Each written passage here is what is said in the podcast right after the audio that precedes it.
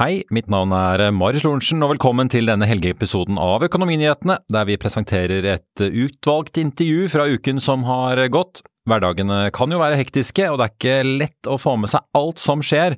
Derfor finner vi frem klipp som vi mener kan være interessant å høre, enten fordi de har lært oss noe, er underholdende eller fikk frem en nyhet. Og med det så setter vi i gang, vær så god.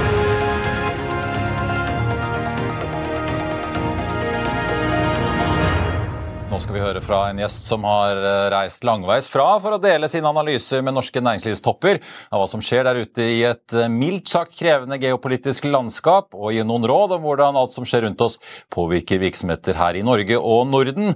Og kanskje vi får noen gode svar på hvorfor utlendingene tydeligvis syns den norske kronen er så lite hot om dagen. Og jeg må bytte til engelsk nå for å si velkommen til gjesten vår, Karen Harris, Managing Director of Macro at Bain Company. Welcome and welcome back to Norway. Thank you so much. As I understand, the be first time after the pandemic. That's right. You've met this week with uh, executives here in Norway. You're going to Denmark to meet other executives there. You've had some roundtables. Uh, maybe to start off, give us some insight in, in what you and your colleagues in your division of Bain do, because I think when most people think about Bain or some of your competitors, they think about uh, advisors that give very sort of concrete, specific advice on how to improve or change an organization, cut costs or uh, improve profitability or prepare for some future change. How does macro play into this? Uh, is it similar to what we see maybe from a Goldman Sachs or JP Morgan uh, macroeconomists showing up on TV? So what we saw, what we found about oh my goodness, 15 years ago was two things. One is there's great macro coverage from banks up to about six quarters out. And from then on, it sort of, et cetera. It fades. uh, it fades. And our clients who we work with are trying to do strategic planning between three years and 10 years. And there wasn't really anyone talking about or looking at macro then.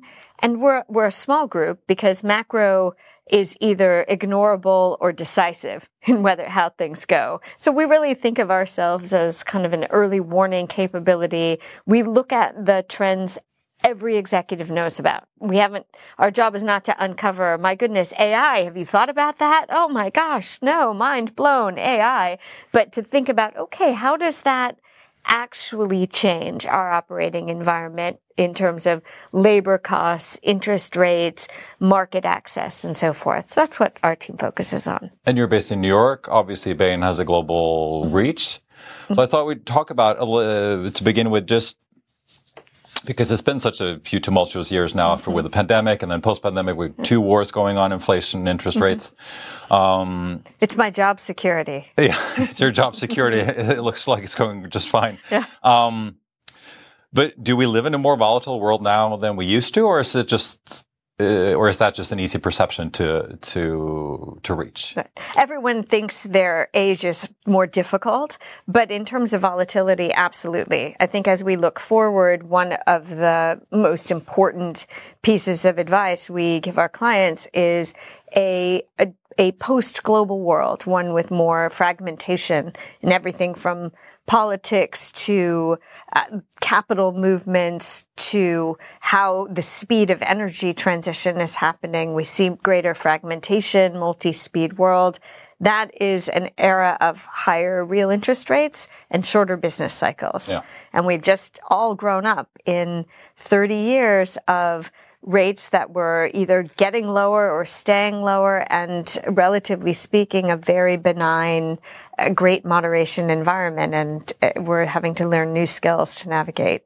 How treacherous can that terrain be for companies, especially in the Nordics, that have been quite dependent on global expansion, whether you're talking telcos or industrial companies, energy companies, going out uh, not just to Europe but, but to the wider world, go moving into a world now where China and the U.S. seems to be uh, sort of splitting and going uh, different directions. Uh, and like you say, we we see a buildup of, of more regional economics almost.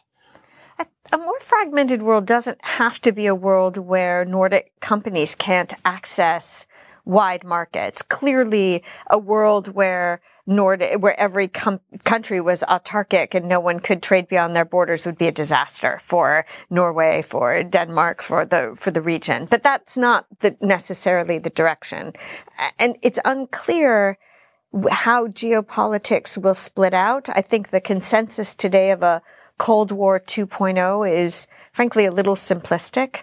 I, I think that harkens back to a time where many economies had fewer degrees of freedom.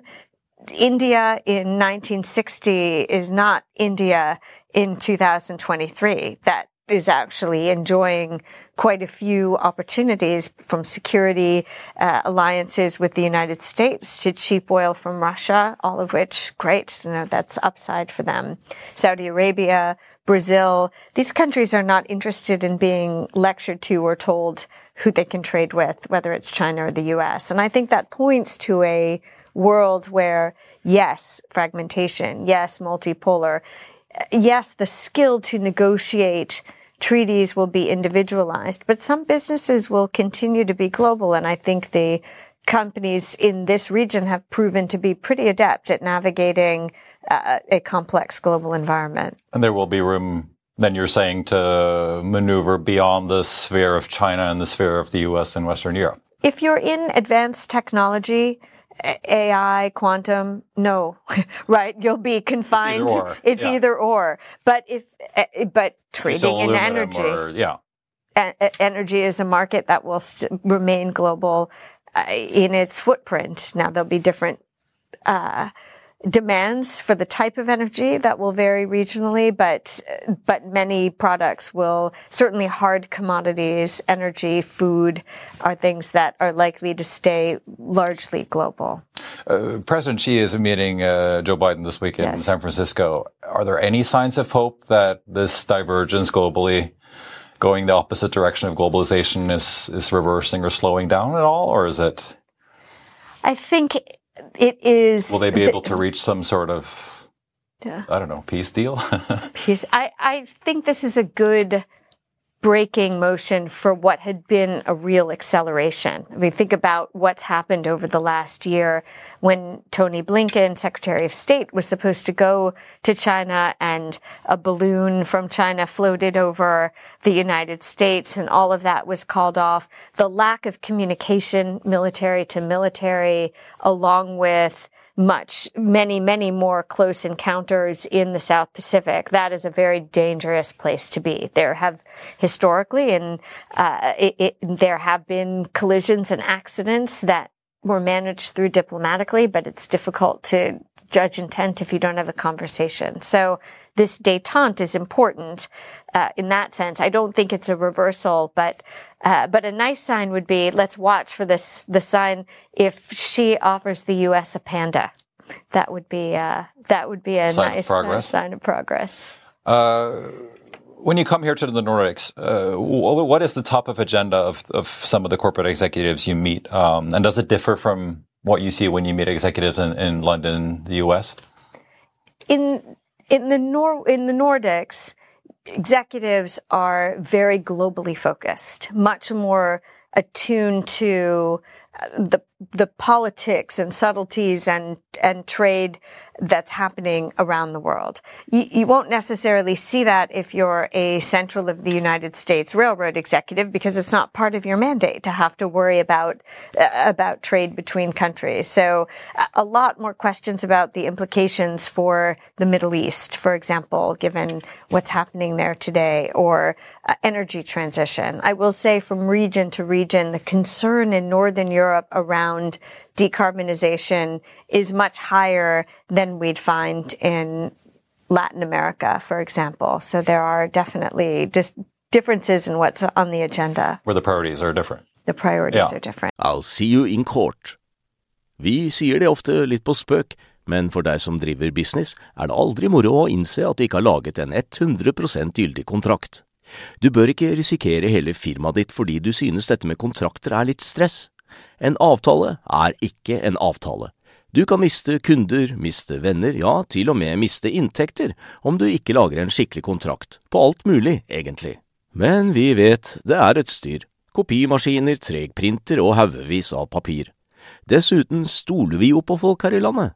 Det er ofte litt kleint å skulle be om en signatur for alt mulig, ja, for mye av styret handler også om jakten på underskriften. Det finnes en enkel måte å løse dette på, Dukkobit, En trygg, effektiv og get this, gratis måte å sikre seg en god natts søvn pluss en juridisk bindende avtale. Dukkobit-appen har de strengeste sikkerhetskrav i bunn, samt en EU-godkjent og sertifisert teknologi. Framover vil det bli behagelig å spørre du, skal vi skrive under på det, eller? Kom i gang på dukkobit.no. Are there topics that you think we miss out on or the executives here don't pay enough attention to?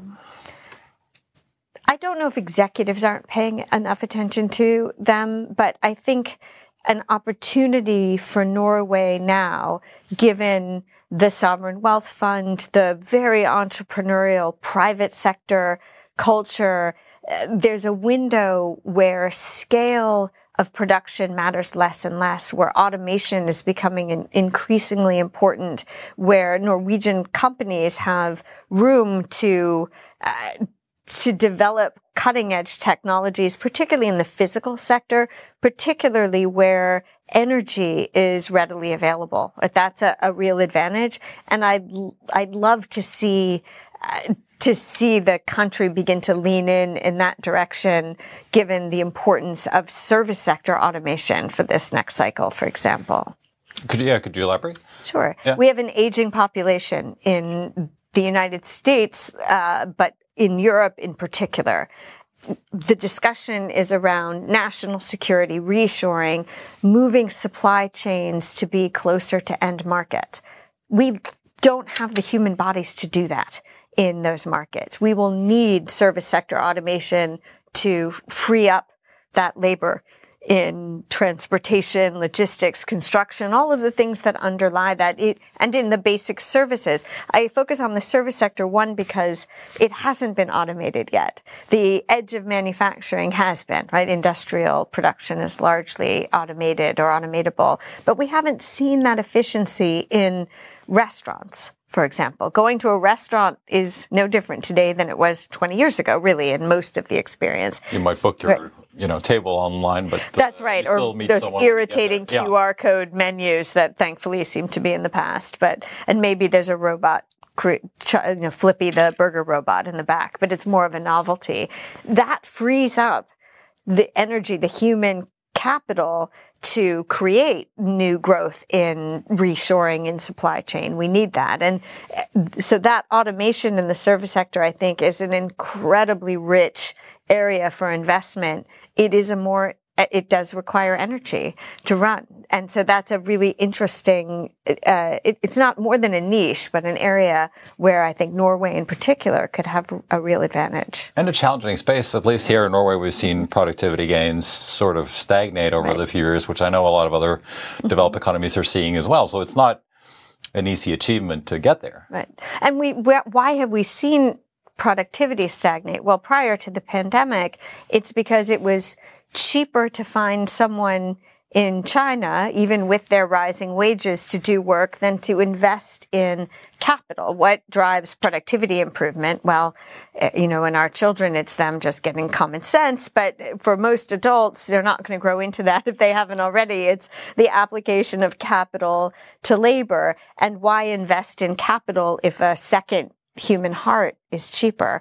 In an example that we see in particularly in the United States is warehousing at warehouse workers. Nobody looks into their child's cradle and says, I, you know, I hope one day you grow up to pick an Amazon order in a warehouse. It's, it's not a great job, but it was done by human beings because that was a cheaper alternative than automation, which existed already. Kiva was purchased by Amazon a decade Another ago. Company, yeah. Ocado, uh, has fantastic, there are lots of examples of that now if people become more expensive, then automation becomes an alternative and that actually frees up people to do potentially even better jobs. And so that I think is the, the productivity paradox as it's been called that we'll see more investments in, in capital and that will drive productivity improvements. They need to for us to continue to grow. And that brings me on to our currencies because uh, in addition to obviously goods made in Asia, mm-hmm in the Nordics and in Norway, we imported a lot of Eastern European labor through the EU expansion Yeah. uh, about a decade and a half ago,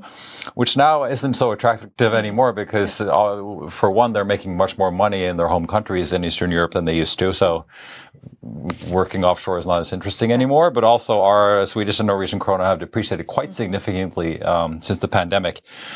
There's a discussion going on whether we should just blame interest rates not uh, rising as fast as uh, in Europe and the US. Uh, some people say we're just not so interesting anymore, being on the brink of Europe, uh, being relatively smaller economies in a big world with lots of uncertainty. Uh, and the last sort of point in the debate has been about unforeseen changes in taxation, at least here in Norway, when it comes to seafood, uh, power, y- y- renewables, and, and the oil sector. Uh, do you have an idea of uh, our attractiveness uh, for internationals or from abroad? Are we less attractive than we used to be? You look great to me. uh, in, uh, uh, but in all seriousness, I- I don't know that. I, I think there's a a misestimation of the speed at which the world will be able to pull back from fossil fuels. And I, I don't, I, I don't have a good diagnosis of why the exchange rate is has suddenly weakened the way it has. I observe in in our work, we'll often see changes that are long term and structural hit the consciousness and get front loaded in a way that doesn't make sense. For example, it was a year ago in the summer, China's shrinking working population was suddenly headlines. Like, okay, so 18 years ago, people weren't born. We could see this, yeah. And now they're not here. It's not a surprising outcome. The property market distortion. Well, that's again structurally, Michael Pettis has been commenting on that for a decade. And so I do wonder if, uh, if sometimes there's a, an, uh, an almost overreaction to, yes, structural headwinds, but that doesn't necessarily mean in the next six months things will, uh,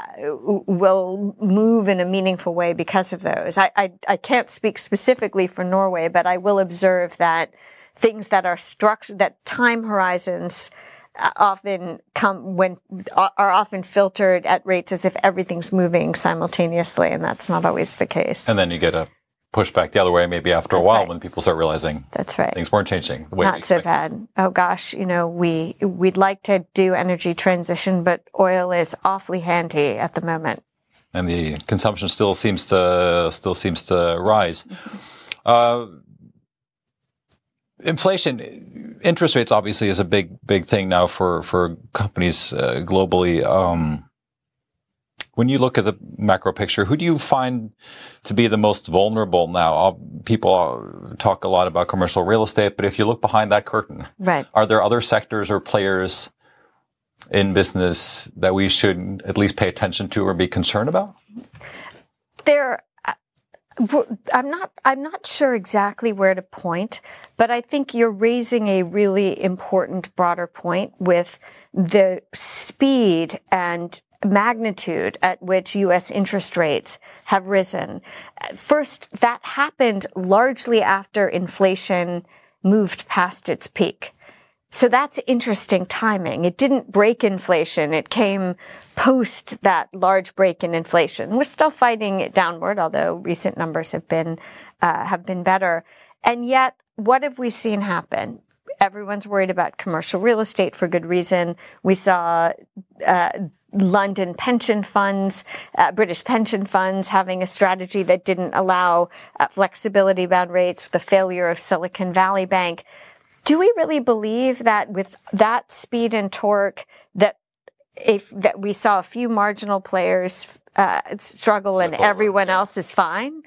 I, I, I'm skeptical about that. So I, I will admit our team tends to be a little bit bearish. We predicted two out of the last one recessions, but we are keeping our eyes on whether there are, eh, whether there's spillover because that creates a broader crisis. It wouldn't be a commercial real estate player in Texas that overpaid for Dallas Fort Worth property yeah. being the problem. It would be their lender having a liquidity problem and having to sell better quality assets that creates the sort of domino effect that would be have a broader footprint. So I don't think we're, I, I think to your point, I don't know who to pinpoint. And if we did, frankly, regulators do a really good job containing problems once they can find them.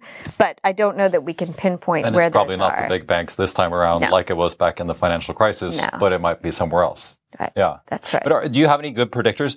I see a lot of people talk about, okay, companies or real estate uh, companies or, or just normal businesses outside of real estate, they have refinancing due dates in Mm-hmm. their bonds or in their bank loans coming up in 20, late 23, maybe 24, maybe 25, maybe even 26. Mm-hmm. Right. Is that a good predictor of when things really start to squeeze, or are there other things you look at to get an idea of when the pressure might actually increase on the ground? One thing is when the central bank increases rates, but when the sort of lag effects start Right. kicking in for real. Mm-hmm. I don't know that I, I look at those maturity walls with any. we- We were supposed to see those huge maturity walls in private equity in 2010, 2011, and instead that was maybe the best vintage of private equity investments in history. Right, the earlier the funds got in, the better off they were. So I get skeptical because it implies that these institutions are sitting around going, "Oh dear, that does look bad." Well, hope everything works out without pivoting or reacting to that information. I do think watching though, we do watch signs of activity in urban environments to see where tax bases are going to go uh, it- around the world. Right, that is has been a good indicator of economies recovering from COVID. It's a new indicator that really we didn't foot traffic really wasn't something that people watched before 2020 when it all disappeared. And so now it feels like a luxury. But I don't know that we're looking particularly at those maturity walls as much as the actual activity on the ground, as well as noting that inflation is incredibly regressive. It really hits the bottom half of earners around the world harder, hardest. yeah. And so what happens to consumer spend and real welfare there and how that plays out through the election cycles is uh, is an important thing that we watch. The last point I want to touch on is uh, you've written a book called the, the Declining Cost of Distance, uh, which I think everyone got familiar with during the pandemic with Teams and uh, Skype meetings and the like. Um, we've seen vacancy rates in, uh, in offices in commercial real estate in London, major US cities skyrocket after the pandemic. It doesn't seem like people want to do these long commutes anymore. Commuting in the Nordics is uh, is nothing in comparison. I mean, driving in Stockholm or Oslo uh, is a walk in the park compared to LA. But but is there still a relevance when you talk to Nordic executives about how they position themselves, where they locate, uh, where they, uh, like you talk about, um allocate their their assets and investments? It's largely upside in the Nordics. One, you don't have, well, Stockholm accepted, where housing prices uh, were quite uh, profoundly high and are now looking uh, looking opposite, yeah. quite the opposite, uh, where people were pushed to move. That gave that allowed people or decoupled people from having to live in, in cities, particularly families. There isn't the same sort of pressure in Oslo, but it is an opportunity for companies, particularly companies in the service sector that aren't in, uh, in front lines to think about the workday differently. To, there's massive upside to gathering, to creating corporate culture, to gathering people, to the apprenticeship. But does that have to take place bounded by rush hour to rush hour? Can that take place after school drop off and before school lets out in the middle of the week in a way that allows more flexibility? I think we've learned that people at home are, uh, in some respects, they're more productive during their uh, in their overall hours worked but there's a cost to that that reconnection cost and figuring out how to allocate that and using that flexibility as a benefit is something that companies in the Nordics and com- similar companies around the world have been playing with i think to the benefit of a lot of their workers Are executives still trying to f- figure out where to put offices and what policies should be in place? I, that's Or right has the dust settled? It depends on it, that is very regionally different. I think tech companies are really struggling with how much, not where to put offices as much as how much do you demand that people use those beautiful offices that you've put in place. It's With uh, lunches, yeah. yeah. right. It's a little less uh, painful in Oslo, I think, to to decide where to situate. Uh, it's more of a do you get a fabulous view or not in this city. Karen uh, Harrison, Bain Company, mm. thank you so much for joining us, and safe travels to Copenhagen. Thank you. Uh, før jeg runder av, så vil jeg bare si tusen takk for følget i denne omgang. Er du på jakt etter flere gjesteintervjuer, så klikk deg inn på f1.no-tv, eller søk oss opp da ved å søke Økonominyhetene i Spotify, Apple Podcast eller der du hører på podkaster. Mitt navn er eh, Marius Lorentzen. Takk for denne gang. Vi ses.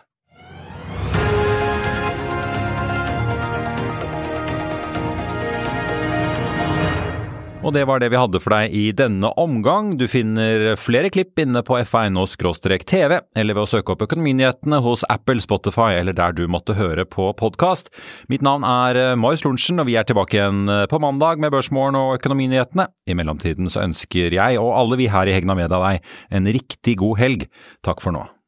Økonominyhetene er en podkast fra Finansavisen. Programledere er Marius Lorentzen, Stein Ove Haugen og Benedikte Storm Bamvik. Produsenter er Lars Brenden Skram og Bashar Johar. Og ansvarlig redaktør er Trygve Hegnar.